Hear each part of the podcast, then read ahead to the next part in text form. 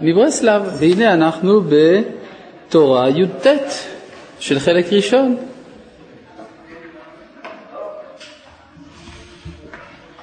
אה, עכשיו אה, מתחילה סדרה של תורות שעוסקות בביאור מאמרים מתוך הספרה לצניעותה. מה זה ספרה לצניעותה?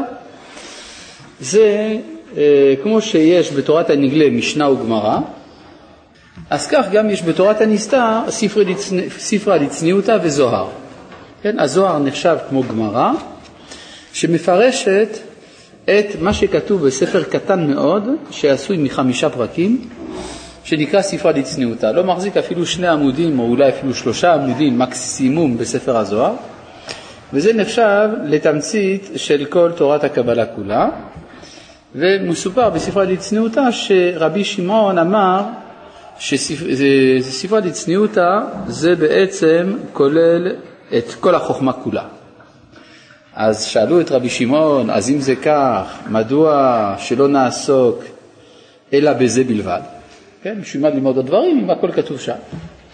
אז הוא אמר, זה טוב רק למאן דעיל ונפיק ולמאן דלעיל ונפיק לה. זאת אומרת, מי שיכול להיכנס ולצאת אז באמת הוא יכול להבין הכל מתוך הספר הזה, אבל מי שלא יודע להיכנס ולצאת, הספר הזה לא יועיל לו. מה פירוש להיכנס ולצאת? מפרש בעל ספר הסולם, פירוש הסולם על הזוהר, מי שיכול להיכנס לחוכמה ולצאת ממנה בלי שיזרקו אותו.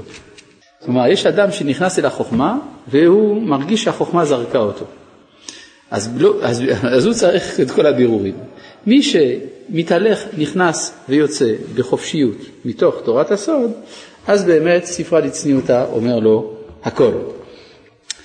יש שם משל שמובא, משל לאדם שיושב בהר, דהווה דיוריה בין טורין או בין טינרין, תלוי לפי הגרסאות, כלומר או בין ההרים או בין הסלעים. בכל מקרה הכוונה מדובר על אדם שיושב בתנאי שטח קשים. ומסופר שם בזוהר שאותו אדם, פרא, היה זורע חיטים, והחיטים היו גדלים, והוא היה אוכל את החיטים. מה שנשאר לו מן החיטה, הוא היה זורע שוב, וכך משנה לשנה היה אוכל את החיטה.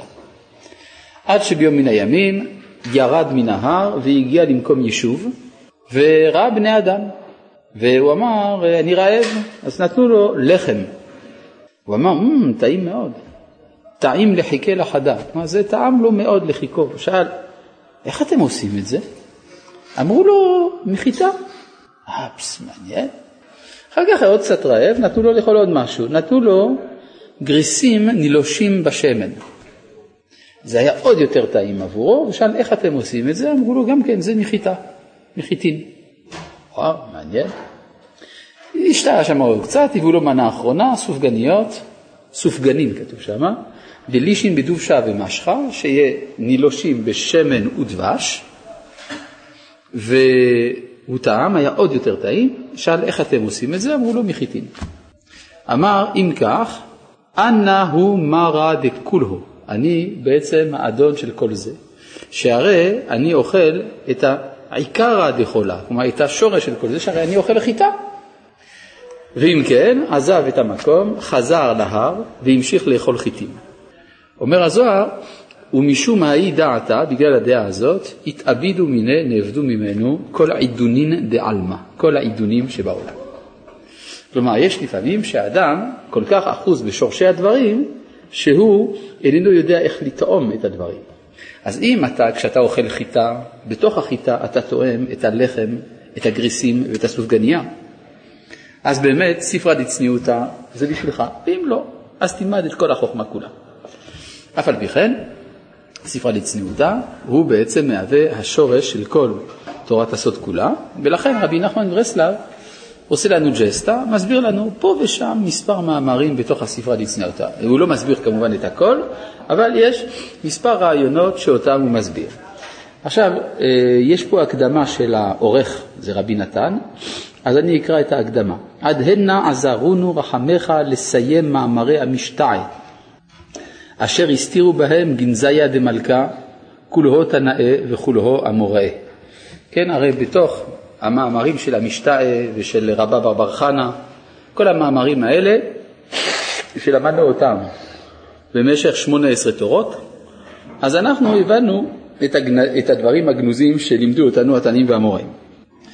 כען, כמו עכשיו, הציתו, הקשיבו, למילוי דנפקין בהדרתה, למילים, לדברים שיוצאים בהדר, שפר עלה לחוויה באפה מלכבתה, שיפה אה, לספר אותם בפני המלכים, בחוכמתה יגלה לכון קצת להודעותה, בחוכמה יגלה לכם קצת כדי להודיע, גדולת הבורא, גניזין עילאין הצפונים בספרה לצניעותה.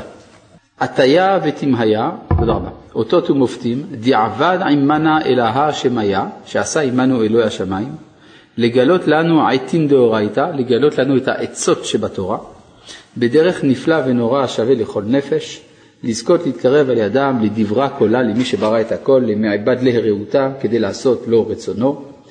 בריך שמי לעילה, מן כל ברכתה ושירתה, ברוך שמו למעלה מכל הברכות והשירות. בסדר, זה המעבר שכתב העורך מן האגדות של רבה בר בר חנה ואגדות של המשתאה, עכשיו אנחנו עוברים לספרה לצניעותה. אה, תפילה לחבקוק הנביא על שגיונות. השם שמעתי שמעך יראתי, השם פעולך בקרב שנים חייהו, בקרב שנים תודיע, ברוגז רחם תזכור. זה הפסוקים בספר חבקוק, בפרק ב', בפרק ג', סליחה.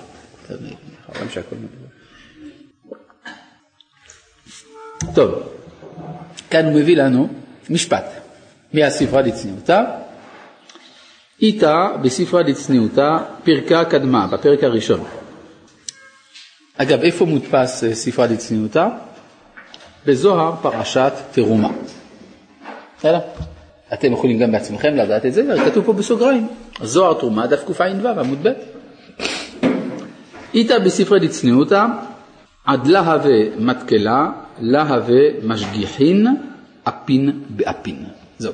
זה כל המשפט שהוא מביא מהספרי דצניעותא, משפט משמעותי ביותר.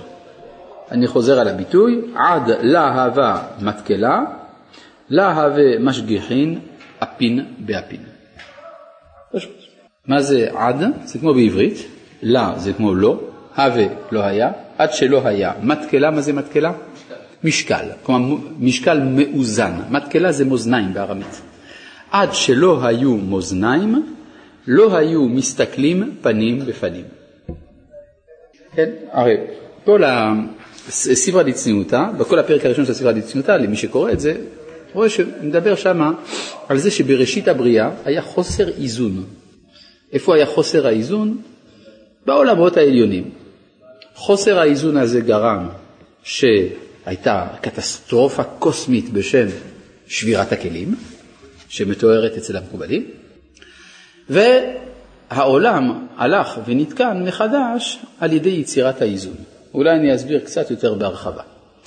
הנחת היסוד של חכמי הקבלה היא שהעולם שלנו איננו העולם המקורי. העולם המקורי האידיאלי נשבר לרסיסים, התנפץ, שברים שברים. האידיאליות האחדותית לא קיימת יותר. והעולם שלנו הוא עולם שנבנה לאט לאט, שמדבק את השברים של העולם הקודם. קוראים לזה עולם התיקון. העולם הקדום יותר נקרא עולם התוהו או עולם השבירה, ואנחנו בעולם התיקון הולכים ומתקנים. לוקח לנו הרבה זמן, ההיסטוריה היא במהלך בטוח, אך איטי, עם עליות ונסיגות לקראת התיקון השלם. בסדר? בינתיים, כל זמן שהתיקון לא הגיע, העולם מלא בספקות, הספק האולטימטיבי נקרא תיקו, חסר לנו 50 שערי בינה, יש לנו רק 49 שערי בינה, כשיבוא השער ה-50, 50 בגימטריה זה נון, ייווסף הנון לתיקו, ומתיקו ייעשה תיקון. בסדר? זה הנקודה. כן, מה אתה אומר? עולם התוהו זה לפני שבירת הכלים?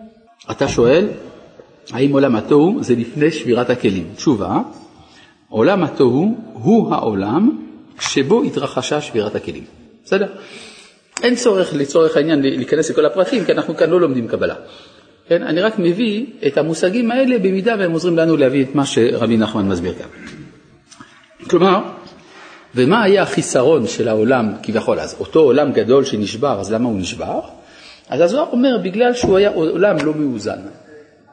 לא היו, לא, כלומר, הפרצופים לא הסתכלו זה על זה, לא היו משגיחים אפין באפין. יש פה דבר מאוד רציני שנאמר כאן. הגילוי האלוהי נקרא אצל חכמי הקבלה בשם פרצוף. פרצוף זה בא משיבוש של מילה יוונית שמתרגמת את המילה העברית העתיקה פנים. כן, בעברית, גם היום כשאומרים פרצוף בעברית מודרנית מתכוונים לפנים. אז באמת בתורה כשיש התגלות אלוהית זה נקרא גילוי פנים, נכון? פנים בפנים דיבר השם עמכם. כשאין התגלות כזאת, זה נקרא אחור באחור. כמו שני אנשים, או זוג של אוהבים, איש ואישה. לפעמים מסתכלים פנים בפנים, לפעמים עורף מול עורף. זה נקרא אחור באחור. יש מצבים אמצעיים, פנים באחור, אחור בפנים. אחד מסתכל אבל השני לא, כמו באוטובוס. כן? כלומר, יש אה, בטור, אז לפעמים ככה, לפעמים ככה.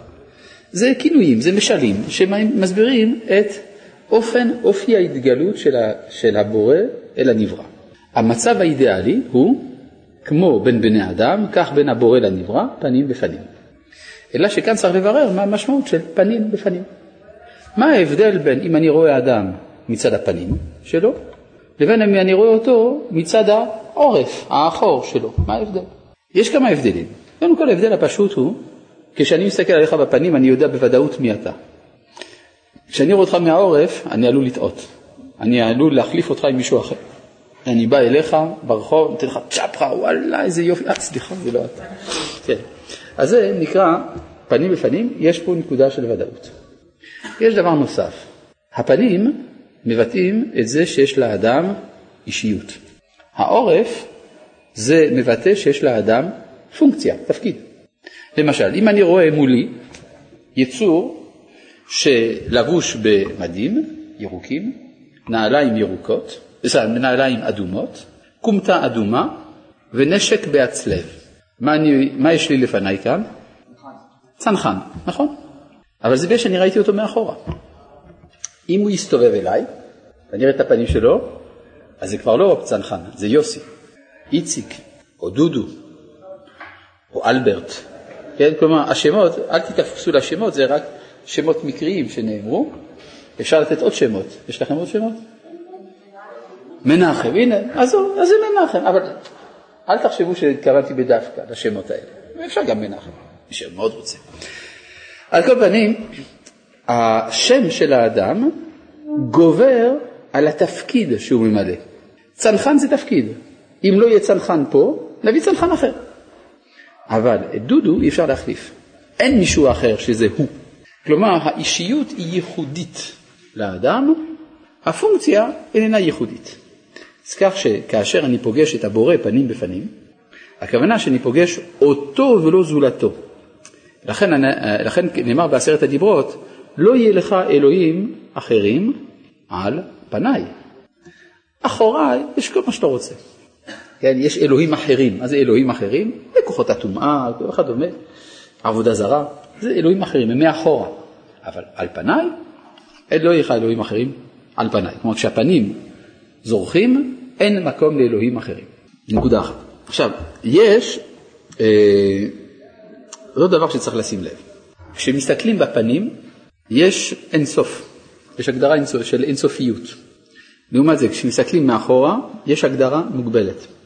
למשל אם אני אומר, פלוני הוא צנחן, או נהג אוטובוס, או ראש משפחה, או בן של אבא שלו, או תלמיד בבית ספר, לא משנה, כל הגדרה שאני נותן, כל הגדרה מצמצמת.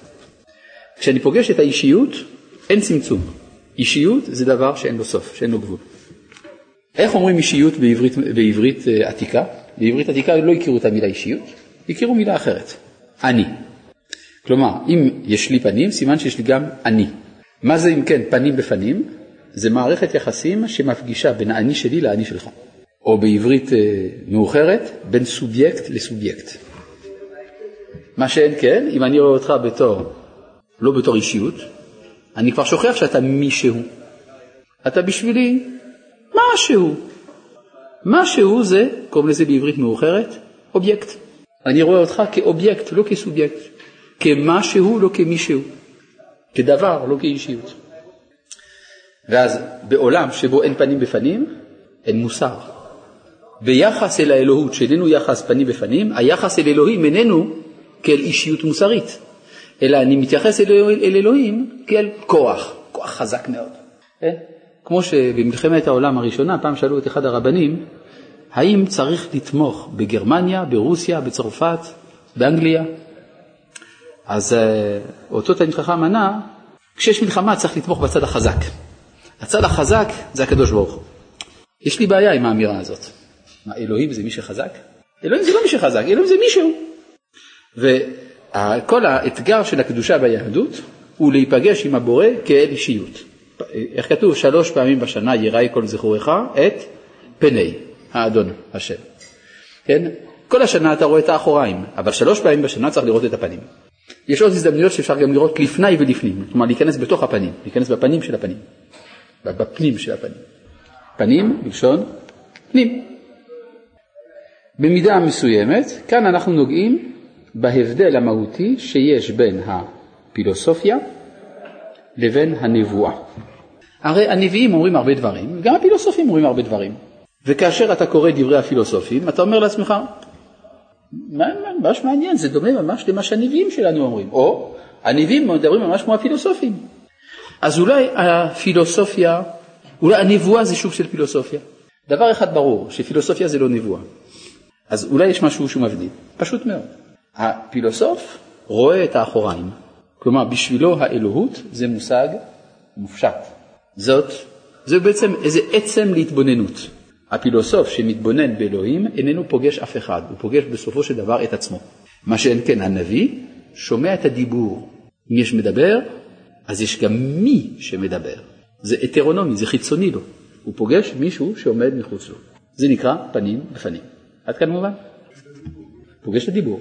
הפגישה עם הדיבור זה פנים בפנים, כי לדבר זה להיות מישהו. בסדר? זה נקודה מאוד מאוד חשובה, אני רוצה להזכיר עוד איזה משהו, אני לא זוכר מי אמר את זה, אבל אומרים, אני חושב שזה פרופסור נהר אמר את זה, שאצל הגויים התנהל הרבה זמן ויכוח איפה אלוהים נמצא. אצל עובדי אלילים אמרו שאלוהים נמצא בארץ, בטבע. אצל הפילוסופים אמרו שאלוהים נמצא בשמיים, בגלגלים וכדומה. ואצל היהודים אמרו שאלוהים נמצא בדיבור. כלומר, ההתקדמות של העולם גילתה שאלוהים נמצא לא בארץ ולא בשמיים, אלא הוא נמצא בדיבור של האדם. עכשיו, השאלה היא, מה זה הדיבור? אפשר לקחת את הדיבור ולעשות אותו כאילו שזה גם כן איזושהי אה, פעולה טבעית, כן? יש בפילוסופיה החדשה ניסו, בסטרוקטורליזם קוראים לזה, לומר שהדיבור של האדם זה באמת לא דיבור, שזה, שזה אשליה, אין באמת דיבור. יש משהו שמדבר. כן? זה מין ניסיון כזה לעקוף את הנקודה שהיא קשה באמת לפילוסוף לתפוס, שיש פה מישהו. בגלל העמדה הזאת, היום העולם איננו יודע מהו ההבדל בין ללמוד מספרים ומן האינטרנט, מאשר ללמוד מאדם. בעצם, מה, מה חסר לי כאשר אני פוגש את המסך? הרי זה הרבה יותר יעיל והרבה יותר טוב ממה שאני פוגש אצל המרצה. כשהמרצה מדבר, אני לא יכול לעצור אותו באמצע. באינטרנט, אני יכול רגע לעצור, אחרי לשתות כוס קפה, לעשות טיול, לחזור, להחזיר את זה אחורה. הרבה יותר פשוט, לא? לא כדאי יותר ללמוד בהתכתבות. כן, כל זה בגלל שאנחנו בעולם שבסכנת אובדן ההבנה של ערך הדיבור, של האישיות. זה בעצם עולם ללא אנושיות. ממילא גם ללא אלוהיות. כן, רצית להגיד משהו? כן.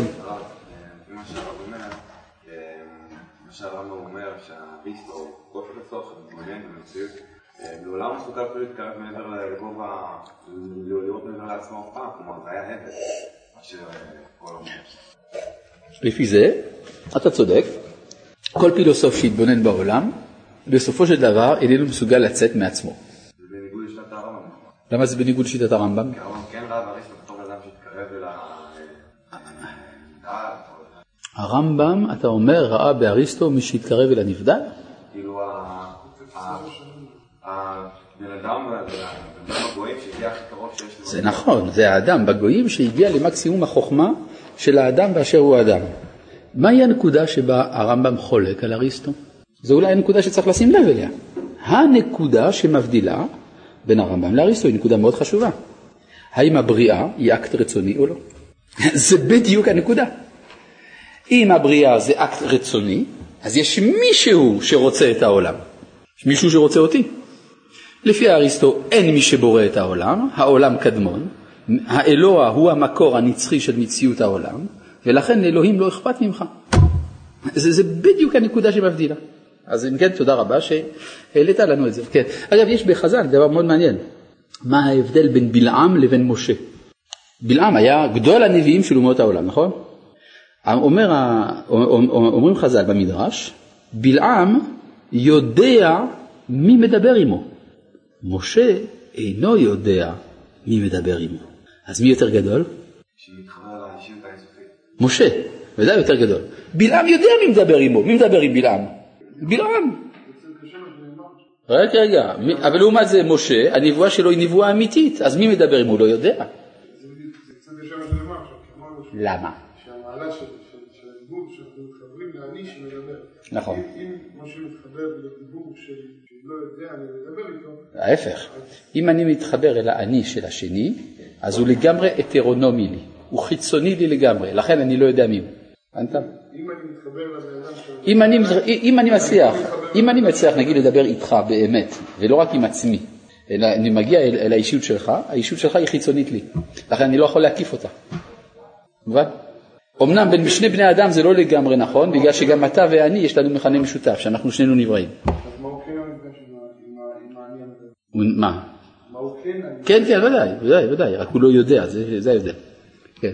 בבקשה. אז אם אני שומע שיעור של במחשב, אני יכול לשמוע את האישיות, פוגש את האישיות שלו, אולי דרך המסך, אבל לא כמו כאילו לדבר על משהו ש... אם אני שומע שיעור באינטרנט, כמו שקורה עכשיו, יש הרבה אנשים שעכשיו שומעים את השיעור שלי באינטרנט. נפגשים בסופו של דבר עם משהו, משהו... לא, הם נפגשים עם משהו. אומנם יש פה משהו מעורב, כי המשהו הזה במקורו במישהו. הם מאמינים שמאחורי המסך זה אישיות אמיתית, ולא סתם איזה יצור שהמחשב ייצר, שלפעמים גם את זה אפשר לעשות. אבל זה ברירת מחדל. פעם מישהו הציע לסגור את מכון מאיר, להביא רק שיעורים באינטרנט, זה הרבה יותר זול. תאמין לי, לא נצטרך להחזיק פה פנימייה, אוכל ובית מדרש והכל. כן? אבל כנראה שזה כבר לא יהיה מכון מאיר, זה כבר לא יהיה תורה. אבל... אלא מה, תגיד, מסכנים עכשיו כל האנשים עכשיו באלסקה ששומעים אותי, ואנשים שבפטגוניה, מה נעשה איתם? לא, הם מתחברים אל זה שיש פה אנשים ששומעים אותי. בסדר?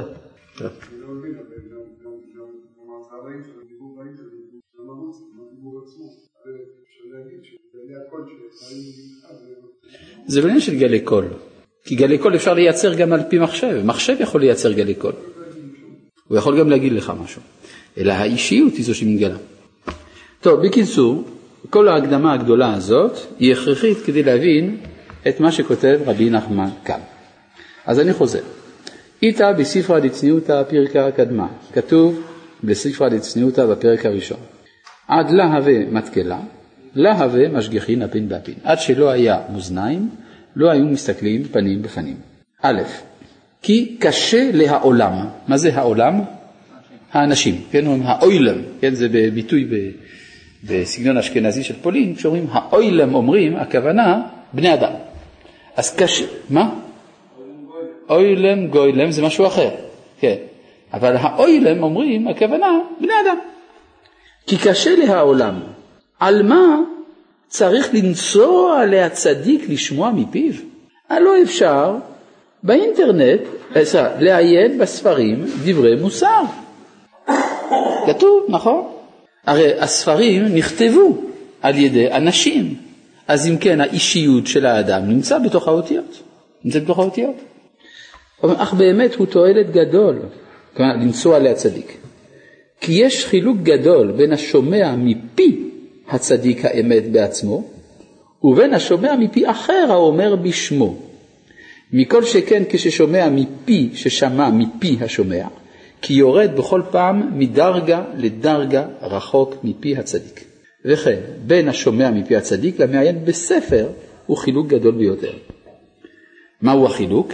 לא שאתה מבין פחות, אלא משהו אחר לגמרי. כי, זה כבר עוד ב', צריך לזכך את הפנים, שיוכל כל אחד לראות את פניו בפנים שלו, כמו במראה.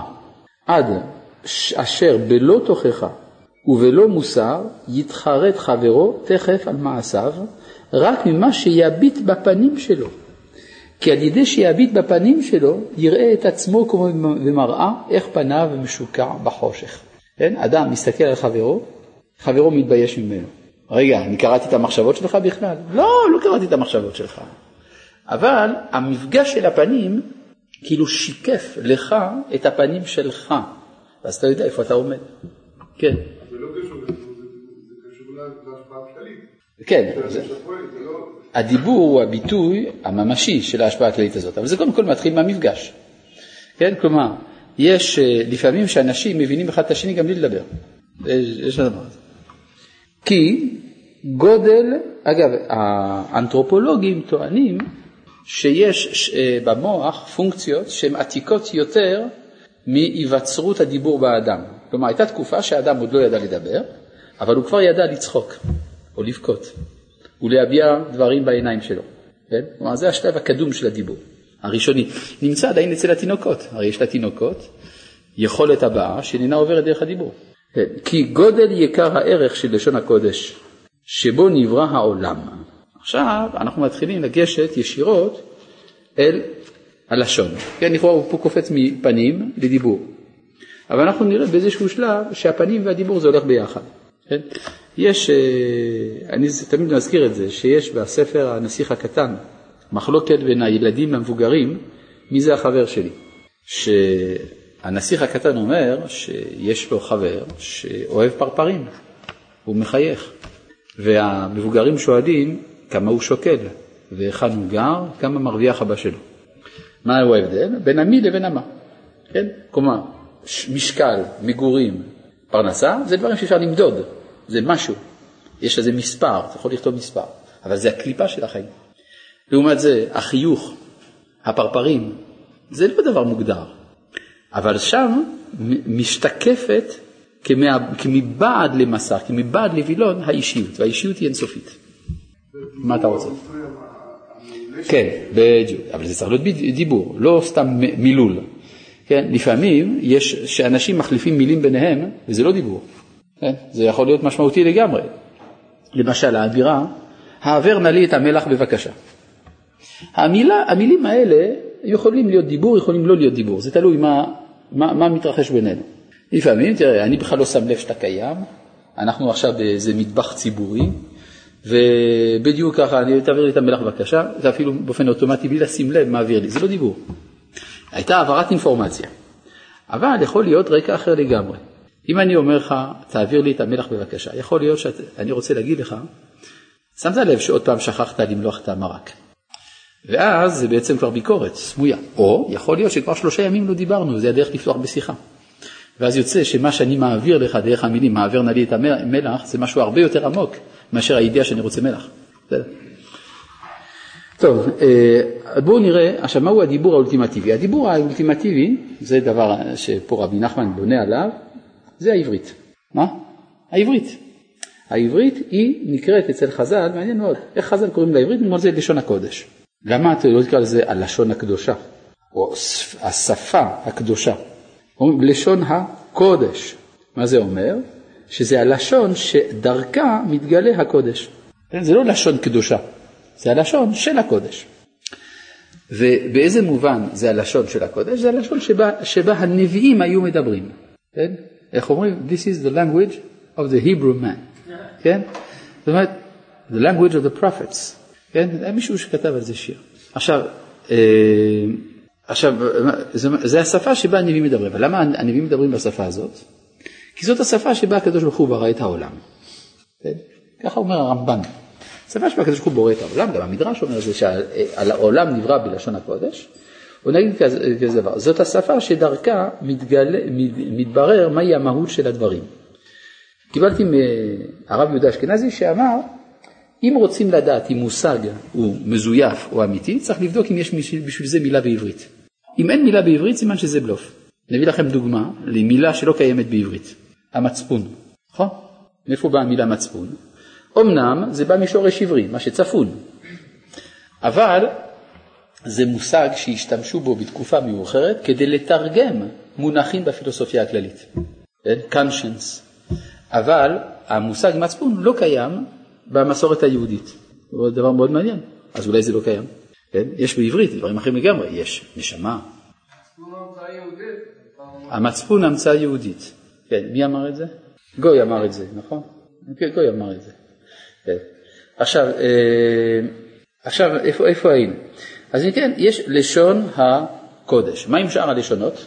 שאר הלשונות הן בגלות. כן? איך מסופר בתורה, פרשת מגדל בבל, שהייתה כל הארץ שפה אחת ודברים אחדים, ומשהו מתנפץ. משהו התנפץ, ואז יוצא שהלשונות כבר אינם מבטאים את אמיתת המציאות, אלא הם שרידי המציאות האמיתית. ולכן ככל שהלשונות הולכים ומתפתחים, הם יותר ויותר מתרחקים מן ההכרה של הקודש. משהו חסר. דבר נוסף, הלשונות, אה, כלומר העברית נקראת לשון הקודש מסיבה נוספת. כן? זה לכאורה מחלוקת בין הרמב"ם לבין הרמב"ן, אנחנו נראה בהמשך שזו לא מחלוקת. הרמב"ם, רבנו משה בן מימון, אומר דבר פשוט, אין בעברית מילים בשביל דברים גסים. זהו, כלומר דברים של ערווה, של גילוי עריות, כל, ה, כל המינוח שמתאר את המעשים האלה לא קיים בעברית, וזה לכן נקרא לשון הקודש. הרמב"ן חולק על זה, טוב האמת היא שאפשר להתווכח, כן, יש הרי דיון רחב, הרבה מילים יש בתנ"ך שלכאורה סותרות את דברי הרמב"ם, אבל הרמב"ם מתמודד עם זה במורה נבוכים, אבל לכאורה יש פה שני דברים שונים. הרמב"ן אומר בגלל שזה הלשון של הקודש, השפה שבה הקדוש ברוך הוא בורא את העולם, הרמב"ם אומר שזה בגלל שזה אין שם מילים גסות. אנחנו נראה שיש חיבור בין שני הדברים האלה בהמשך. טוב, בואו נראה עכשיו את דברי רבי נחמן. כי גודל יקר הערך של לשון הקודש שבו נברא העולם כמאמר חכמינו זיכרונם לברכה. עכשיו מעניין, מאיפה חז"ל לקחו שבעברית נברא העולם? מאיפה הם לקחו את זה? הם לקחו את זה מפסוק. לזאת יקרא אישה, כי מאיש לוקוחה זאת. והרי רק בעברית המילה אישה היא הנקבה של המילה איש, בשאר השפות המילה שמציינת את האישה איננה הנקבה של המילה המציינת את האיש, אם כן, מכאן שבעברית נברא העולם. זה אגב, מבחינה לשונית טהורה, קשה לקבל. מדוע? כי המילה אישה, מבחינה דקדוקית, איננה הנקבה של המילה איש. שמתם לב שיש במילה אישה דגש בשין, נכון? א', שין דגושה, ה'. מה שאין כן, במילה איש יש א', י', שין. אז אה, איפה נעלמה הי'?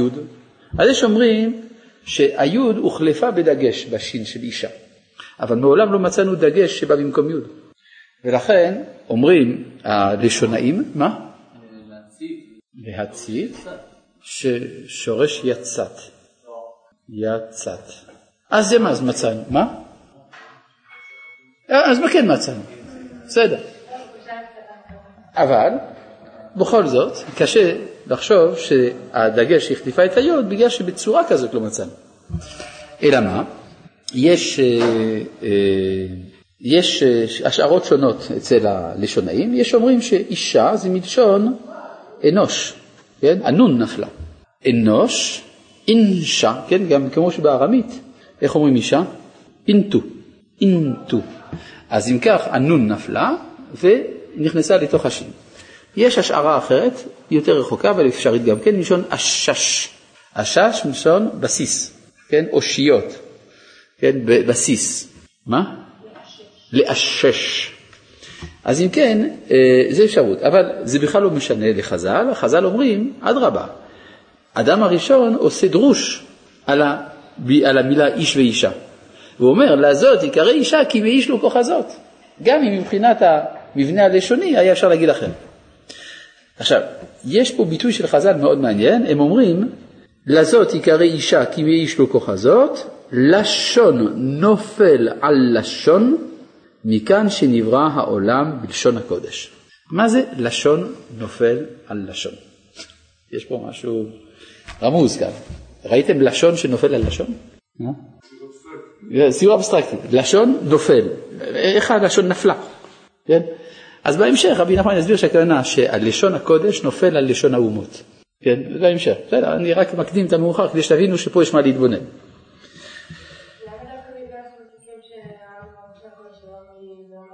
כן, למה משם למדו? למה דווקא מבריאת האישה, נכון? זאת השאלה. זה בדיוק מה שהוא מסביר כאן בהמשך. וזה בחינת חווה. מה פירוש המילה חווה? מדברת. כן? הוא אומר כאן. אה, היינו הדיבור, זה בחינת חווה, בחינת ולילה ללילה יחווה. נכון? אתה אומר שהפשט של חווה זה אם כל חי? זה לא הולך לי. אז אם ככה היה צריך לקרוא לה חיה. לכן הפסוק קשה לי. הפסוק שאומר ויקרא האדם שם אשתו חווה כי הייתה עם כל חי, פסוק שאני לא מבין אותו, נכון? אז יש בעיה, למה הוא קורא לה חווה ולא חיה? אלא אם כן תגיד שחיה זה גם לשון דיבור, כי י' וו' מתחלפות, אבל אני חושב שזה משמעות אחרת לגמרי. כשהיא הייתה עם כל חי, הרי ראית פעם, בכלל אני לא מבין, האישה היא עם כל חי? הג'ירפות באו מן האישה? בכלל הפסוק לא מובן, נכון? כן, אלא מה תאמר? האישה הייתה אם כל חי, כשהיא הייתה, כלומר בגן עדן, לפני שהיא נפלה לעולם הזה, היא הייתה שם השורש של כל חי, ולכן שם לא קראו לה חווה, קראו לה חיה. אבל כיוון שהיא נפלה לעולם הזה, היוד הפכה לבב, ומחיה נהייתה חווה. מיוד כ נפל לבב ה', מהאידאל למציאות, בסדר? ואז מלשון חיביה, חיביה זה נחש. כלומר, הנחש הוא הנחש שלה, והיא הנחש של האיש שלה. כן? ככה אומר המדרש, אנט חיביה, חיביה חיביה ואנט חיביה דה אדם. אז כך שזה לא פשוט כל כך הדברים האלה. זה ודאי לא הפשט שהיא הייתה עם כל חי. בסדר. ליולדת קוראים חיה, נכון. כי נתנה חיים. מי שנותן חיים הוא חי. הם כל החי. זה כל בני אדם. רגע, והבעלי חיים הם לא חיים? קצת קשה לי. יותר מזה, שהרי באותו פרק כתוב שהקדוש ברוך הוא הביא לאדם את כל הבעלי חיים כדי למצוא לו בת זוג, ולא מצא. אז אם כן, דווקא בהקשר הזה, להגיד אם כל חי זה מקשה. כן, לא מסתדר. מכאן שאנחנו לא מבינים אפילו רבע פסוק במעשה בראשית. טוב, באמת, כשהפסוקים במעשה בראשית הם לא מובנים, חבל על הזמן. טוב, בואו נמשיך. אה, אז מכאן, אז אני שוב חוזר מתחילת הפסקה. כי גודל יקר הערך של לשון הקודש שבו נברא העולם כמאמר חכמינו זיכרונם לברכה לזאת עיקר אישה כי מי שלוקחה הזאת לשון נופל הלשון מכאן שנברא העולם בלשון הקודש זה בחינת חווה, בחינת ולילה ללילה יחווה, היינו בחינת הדיבור של לשון הקודש שבו נברא העולם. כלומר כשהכתוב אומר לנו חווה או אומר לנו אם כל חי הוא מתכוון לכוח הדיבור. כידוע שנשים מדברות. כן, שמעתי פעם אה, בשם רבי יוסף מסס, זיכרונו לברכה, שהסביר הבן שאינו יודע לשאול בהגדה, כתוב את פתח לו. למה לא כתוב אתה פתח לו? את לשון נקבה. כי מה שחסר לו זה שהוא לא מדבר. אז הכוח של הדיבור הוא כוח נקבי, נכון? עשרה קבין, שיחה ירדו לעולם, תשעה נתנו נשים, זו תכונה נשית. לכן, כיוון שאנחנו מדברים פה על הדיבור, לכן ההתגלות שהעולם נברא בלשון הקודש, היה צריך להיות במקום שבו נברא הדיבור, שזה בחינת חווה. מובן? כיוון שהעשירי היה של בעלה, היא חצי. כיוון ש... אה? שהעשירי היה של בעלה. כן. כיוון שהעשירי היה של בעלה, היא גם נטלה חצי. למה היא נטלה חצי, אז כבר יש לה תשע וחצי קבין. זה חידוש, לא חשבתי על זה. כן, יש דבר כזה שהיא לקחה תשע וחצי. מה? יפה, נכון, נכון. השיחה זה עניין נשי והדיבור זה עניין גברי, יותר. נכון. לא, לכאורה שכתוב עשרה קבין שיחה, לא כתוב עשרה קבין דיבור. כן, אבל הוא לא עושה, פה הוא לא עושה הבחנה כזאת. בסדר, ההבחנה בהחלט נכונה, אבל פה הוא לא עושה את ההבחנה. טוב.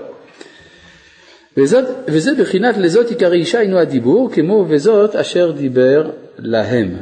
ועל ידי לש, אה, לשון הקודש רוממנו מכל הלשונות. הרי כתוב אשר בחר בנו מכל העמים, ורוממנו, אשר בחרנו מכל העם ורוממנו מכל לשון.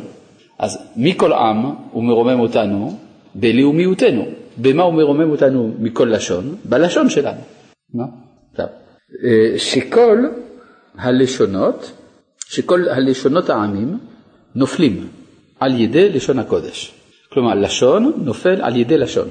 היינו שהרע שיש להלשון של האומה אחיזה בו, נתבטל ונופל על ידי לשון הקודש, ואין לו שליטה על ישראל, וזה בחינת לשון נופל על לשון. מה? עכשיו, זה, זה, זה אומר דבר מאוד עמוק. זה אומר שאם רוצים לנצח במאבק, במלחמה, הכל תלוי בלשון, באיך מדברים. אה? כמו בתורה הקודמת, נכון. כלומר, מה שאתה אומר, כלומר, זה מה שקובע. עכשיו, צריך להבין, מה פירוש לומר? צריך לדעת מהו הטון. יש איזה צליל שצריך לדעת לכוון אליו. אם אתה יודע לכוון אליו, אז אתה ניצחת. זה כוח הדיבור. כן, וזה בחינת לשון נופל ללשון. והרע הכולל, שכל הרעות של 70 לשון כלולים בו, דהיינו, זה מעניין מאוד, תבערת המדורה של תאוות ניאוף, שכל השבעים לשון משוקעים וכלולים בו, נופל ומתבטל ואין לו שליטה על ידי לשון הקודש. זאת אומרת שיש אה, מאבק לאדם עם התאוות שלו, התאווה, נגיד שרוב ההתמודדות של בני אדם היא תאוות הניאוף, שהיא השליטה של הטבע באדם. ברגע שהטבע שולט, הוא מבטל את כוח הדיבור. יש ב... בסיפור של התגלות יוסף אל אחיו, יש משהו כזה. כתוב, יוסף מדבר עם אחיו ואומר, עיניכם הרואות ועיני אחי בנימין, כי פי המדבר עליכם. מה זה עיניכם הרואות? מה הם ראו? אז חז"ל אומרים שהוא הראה להם שהוא מהול, ברית מילה. לא כל כך אסתטי, במעמד, בפני האחים, בארמון וזה. לא יפה. כתוב, כי פי המדבר עליכם, אומר רש"י, שאני מדבר בלשון הקודש. מבאר הרב אשכנזי, שבעצם זה אותו הדבר. כלומר, כיוון שהם שמעו אותו מדבר בלשון הקודש, הם ידעו שהוא מהול. כי אם יש קדושת הברית, אז יש גם קדושת הדיבור, זה הולך ביחד. זה, זה בדיוק העניין. לכן אתה רואה שהרמב"ם והרמב"ן אמרו את אותו הדבר. הרמב"ם מדבר על לשון הקודש שיוצא מן הפה שבו נברא העולם, והתנאי להתגלות של הלשון הזאת זה שאדם מהול, שהוא מתוקן בבחינה של הקדושה האישית. אם הוא מתוקן בבחינה האישית, אז הדיבור שלו הוא כבר לא דיבור אנושי, הוא הדיבור האלוהי. מובן? זה גם ברמה הטכנית. אפשר לדעת אם אדם מהול או לא, לפי איך שהוא מדבר, כן. אפשר לדעת את זה. מה? כן, כלומר, בקול של המילים שלו, כן, לא, בדיב, לא במילה שהוא אומר, אלא איך הוא אומר. משהו שהוא משדר, שהוא מקרין. לא, אבל, לא, אבל זה דבר ממשי, ש... כלומר, אפשר, לה, אפשר להרגיש את זה. זה מה שאני התכוונתי. הוא אמר זה סגולי במובן שאף אחד לא יכול לדעת. אז הוא אומר אפשר לדעת, כן, אפשר לדעת. זה, ודאי שאתה צריך בעצמך להיות קצת בעל רוח הקודש, כלומר לדבר בלשון הקודש. כלומר, שוב, הרגישות הזאת היא פונקציה של הטהרה האישית של כל אחד, ברור? אבל ככל שהטהרה גדולה יותר, אפשר לדעת יותר. איך אומרים, יש אה, מי שיש בו יראת שמיים, דבריו נשמעים, נכון? או אה, ניכרים דברי אמת, דברי אמת. מה זה ניכרים? אה, או שזה אמת או שזה לא אמת, אפשר לבדוק. לא, אי אפשר לבדוק, זה ניכר. אתה יודע שהוא אומר את האמת. כן? אז גם פה מה שהוא אומר, שיש מאבק בין הדיבור לבין הניאוף, אפשר לומר זה המאבק בין אדם הראשון לבין הנחש, זה אותו הדבר. כן? בעצם מה עשה הנחש לאדם הראשון? הוא הפיל אותו מלהיות מדבר והפך אותו לנואף. זה מה שכתוב שהנחש בא על חווה, זה.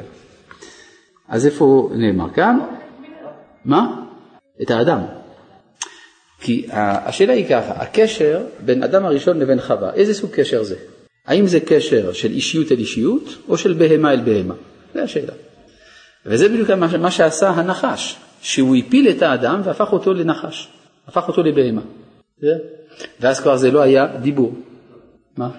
מה? זה אותו הדבר, הרי מי זה הנחש? מי זה הנחש? זה הוא, זה הוא. האדם הראשון הוא, הרי, הרי הנחש, כתוב. והנחש היה ערום מכל חיית השדה. רק רגע, לא, זה כשאחר כך, נקרא חווה. אבל לפני כן, כתוב והנחש היה ערום מכל חיית השדה. מה זה ערום? חכם. כן? ככה מתרגם אונקלוס, חכים. כן, זאת אומרת, מהי החיה החכמה ביותר שאנחנו מכירים? האדם. יוצא לפי זה שהנחש הוא אופציה מסוימת של הקיום האנושי. אתה יכול להיות נחש, אתה יכול להיות נפש. והאדם בחר להיות נחש ולא נפש. כן. כן. לכן כתוב שהנחש בא על חווה, איך יכול להיות שנחש בא על, על בן אדם? אלא זה האדם עצמו. כן. אה? הפה הופכת לחטא, זה פח. מנפש הוא הפך לנחש. מה ההפרש בין נפש לנחש בגימטריה? 72. 72, גימטריה של חסד. החסד זה ראשית המוסר. אם אתה נותן מאדם את המוסר, אז יש לך נחש. אתה מוסיף לנחש הטבעי את המוסר, אתה מקבל נפש. זה כל ההבדל. כך הסביר הרב לוי נחמני, זכר צדיק לברכה. טוב, אה, אז איפה היינו? אה, מה?